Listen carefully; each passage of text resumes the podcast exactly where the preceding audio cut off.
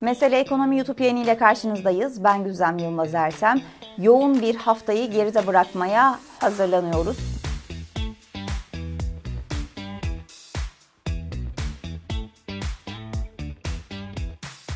Geçen haftayı kapatırken e, New York'taki yatırımcı toplantısındaki Merkez Bankası'nın notlarını konuşmuştuk. Hatırlayın ve demiştik ki en fazla kafalardaki flu, gri alan, bilinmezlik ekonomi yönetimi değişir mi? İstikrar sağlanacak mı? Yabancı yatırımcılar bunu sormuştu. Aslında çok da haksız değiller.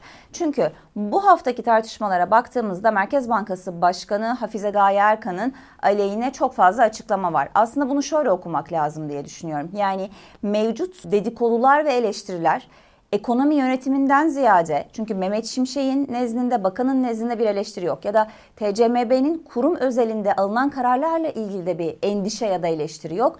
Tamamen Merkez Bankası başkanına ilişkin üretilen dedikodular, dedikodular diyorum çünkü ne kadar haklı ne kadar haksız bu tartışmaya açık ki Hafize Hanım da sosyal medyadan paylaştığı e, Cuma günü notunda Merkez Bankası'nı özellikle bu eleştirilerin hak etmediğini, kendi yasal haklarını bu haksız eleştirilerle ilgili e, kullanacağını söyledi. Peki nedir bu eleştiriler? Neydi ve Hafize Gaye Erkan bunun üzerine açıklama yapmak zorunda kaldı? Öncelikle aslında Ahmet Hakan'a verilen röportajla beraber itibar tarafında e, bir miktar kazanımlar geri verildi. Yani Orada e, başkanın iletişim politikası eleştirilmeye başlandı biliyorsunuz Ahmet Hakan röportajında. Hemen sonrasında yine Hafize Gaye Erkan'ın aile ilişkileri ve bu aile ilişkilerin Merkez Bankası'nın kurumsal kimliğine yansıması, e, Merkez Bankası çalışanının CİMER'e yaptığı şikayet, e, tüm bunlar üst üste gelince tabii şu an elimizde kocaman bir belirsizlik topu oldu. Neye ilişkin? Acaba Başkan Hafize Gaye Erkan geçici mi bu görevde? Bu çıkan eleştirilerden sonra e, bir görev değişikliği olacak mı? Merkez Bankası Başkanı değişecek mi diye bir bilinmez bu hafta piyasanın gündemine oturdu. Kişisel kanaatim bu sene içerisinde başkanın görev değişikliğinin olmasını ben beklemiyorum. Hatta belki önümüzdeki süreçte de e, şu an hali hazırdaki eleştirileri temizleyebilir ve aklayabilirlerse ve daha para politikasının konuşulduğu olması gerektiği gibi bir döneme geçiş yapabilirsek aslında hem Bakan Şimşek hem de Merkez Bankası Başkanı Hafize Gaye Erkan'ın e, oluşturulan politika setinden net bir şekilde piyasayı tatmin ettiği aşikar. Yani dedikoduları bırakıp gerçekten e, para politikası setine ve oradaki adımlara, ekonomik e, anlamdaki gelişmelere odaklanırsak e, yabancı yatırımcılardan tam not aldılar diyebiliriz. O zaman biraz da o taraftan bakalım hikayeye. Yani bu dedikodular dışında piyasayı gerçekten ilgilendiren konularda neler, ne gibi gelişmeler oluyor diye. Öncelikle e, geçen haftaki ziyaretten sonra 3 tane önemli rapor ve yorum geldi. JP Morgan'dan, Goldman Sachs'tan ve PIMCO'dan. E, sırayla onların üzerinden geçelim beraber. PIMCO ki biliyorsunuz dünyanın en büyük tahvil fonlarından bir tanesidir ve Türkiye'de de pozisyon aldığı zaman gerçekten çok yüklü miktarlarda ve daha orta uzun vadeli pozisyonlanarak yatırım yapar ve ağırlıklı da fixed income yani sabit getirili menkul kıymetleri tercih ederler. İşte bu kurum PIMCO dedi ki Türk tahvilleri için artık iyimser bir döneme giriyoruz.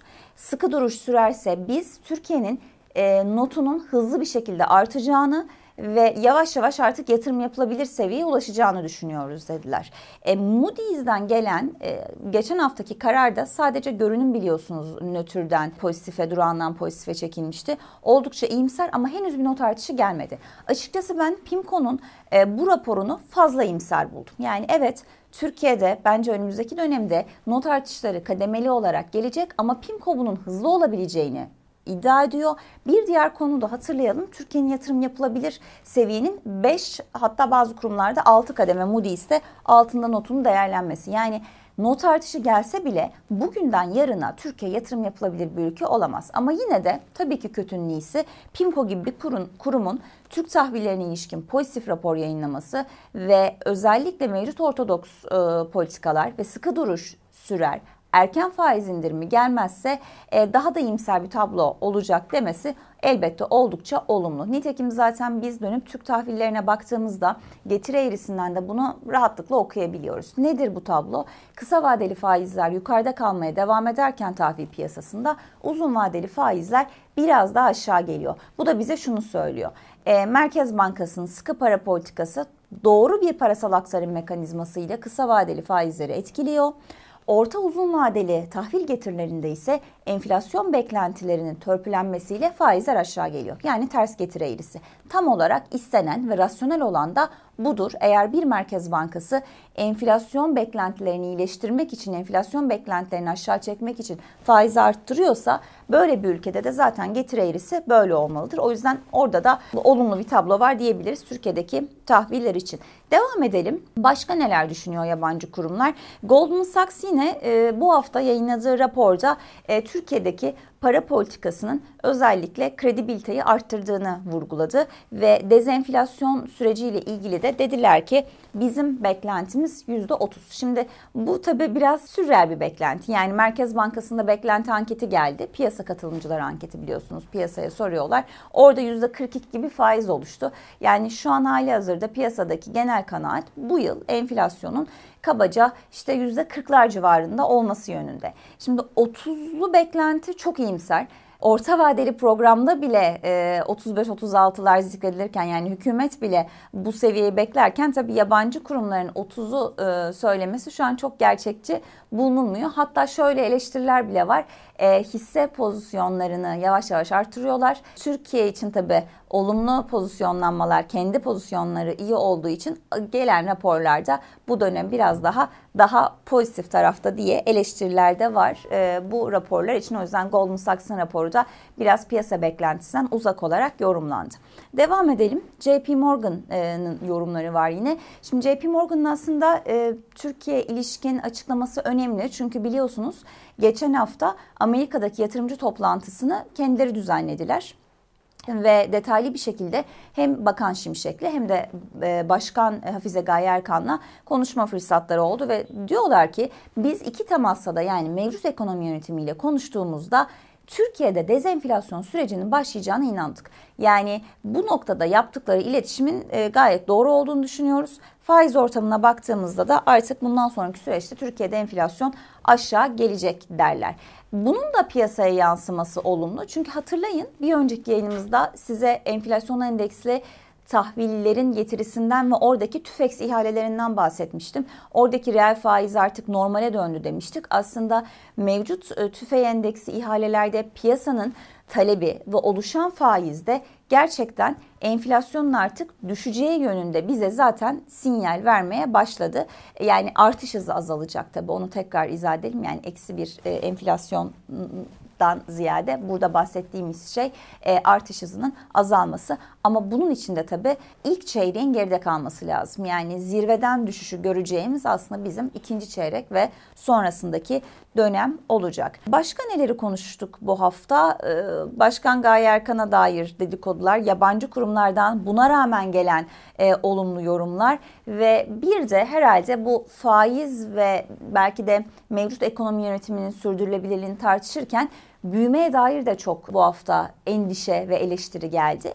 Bunun sebebi de şu, yerel seçimler yaklaştıkça son gelen bütçe açığı da e, biraz piyasanın moralini bozunca denildi ki ya acaba gerçekten daha fazla frene basılır mı? İşte Mehmet Şimşek'in de buna dair bir e, açıklaması var. Bakan Şimşek dedi ki e, biz e, yerel seçim öncesi kesenin ağzını açmayacağız. Şimdi böyle eleştiriler geliyor.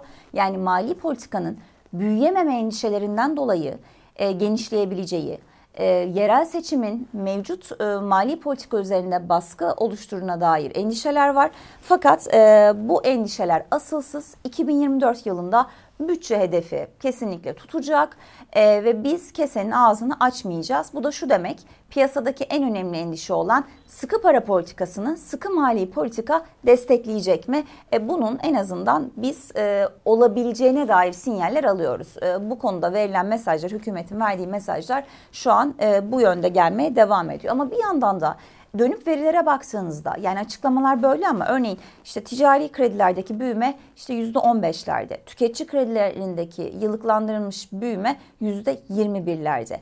E işte konut satışlarına bakıyorsunuz e, orada son dönemin en düşük konut satışları var. Şimdi tüm bunları alt alta koyduğunuzda kredi büyümeleri bu kadar yavaşlamışken işte konut satışlarında otomotiv satışlarında ivme kaybı yaşanırken elbette Türkiye'nin kendi ortalamasından sapan bir büyümeyle yüzleşeceği gibi de bir gerçek var. E zaten piyasada bence şu an tam olarak bu gerçeği e, borsaya yansıtıyor. Yani bir süredir bu büyüyememe hikayesi hisse senedi piyasalarında işte tabiri caizse testere dediğimiz e, hareketin olmasına sebep oluyor. Nedir bu? İşte belli bir taban var. İşte şu an işte 7500'ün altına Borsa İstanbul gelmek istemiyor ama yukarıda da işte 8000 8300 arasında o testere hareketini yapıyor. Yani ne çok sert yükseliş ne sert düşüş o bant hareketi devam ediyor yerel seçimlere kadar. Tam olarak bunun sebebi de seçim belirsizliğinden ziyade ekonomik koşulların şu an e, bir miktar daralmaya işaret etmesi. Yani yıllık bazda olmasa bile çeyreksel bazda daralma olabilecek endişesi. Zaten e, buna ilişkin e, garanti e, BBVA Genel Müdürü Recep Baştuğ'un da açıklamaları vardı bu hafta. Kendisi de diyor ki e, biz bu faizlerle yatırım yapılabileceğini düşünmüyoruz. Yani hani kredi büyümelerinin ivme kaybından bahsediyoruz ama işimde yatırım boyutu var. Gerçekten mevcut yüksek faiz ortamında e, çok da fazla yeni yatırım konusunda iştah yok sektörlerde. Recep Baştuğ da buna dikkat çekmiş. Peki ne olacak? Yani biz Mart seçimlerine hazırlanırken bir yandan işte Başkan Gaye Erkan görevden alınır mı? Bu eleştirileri mi bertaraf edeceğiz? Yoksa büyüyememe e, tarafındaki eleştiriler, bütçe açığının ne olacağına dair endişeler, bunları mı ekonomi yönetimi yönetmeye çalışacak? Tüm bunları geçiyoruz. Bir de yabancı yatırımcıya kendimizi mi sevdirmeye çalışacağız? Çünkü daha sırada bekleyen swap işlemlerinin, swap line'larının açılması var biliyorsunuz. Yani şöyle bir yapılacaklar listesi diye çıkarıldığında zaten ekonomik olarak, politik olarak birçok belirsizlik demeyelim ama birçok atılacak adım var. Bir de buna bir siyasi ve ekopolitik belirsizlik geldi. İşte Cumhurbaşkanı Erdoğan bu Gaye Hanım'la ilgili eleştirileri nasıl karşılayacak? Mehmet Şimşek ile Hafize Gaye Erkan'ın arası nasıl? Görev değişikliği olur mu derken zor bir ilk çeyreği bitirmeye hazırlanacağız. Belli ki biz Mart'ta yerel seçimlere girerken ve oy kullanırken işte tüm bunlardan dolayı da şimdilik genel pozisyonlanma ki benim kanaatim öyle piyasada biraz bekle gör olmaya devam edecek. Son gelen rakamlara baktığımızda da e, biliyorsunuz her perşembe haftalık menkul kıymet istatistikleri açıklanıyor.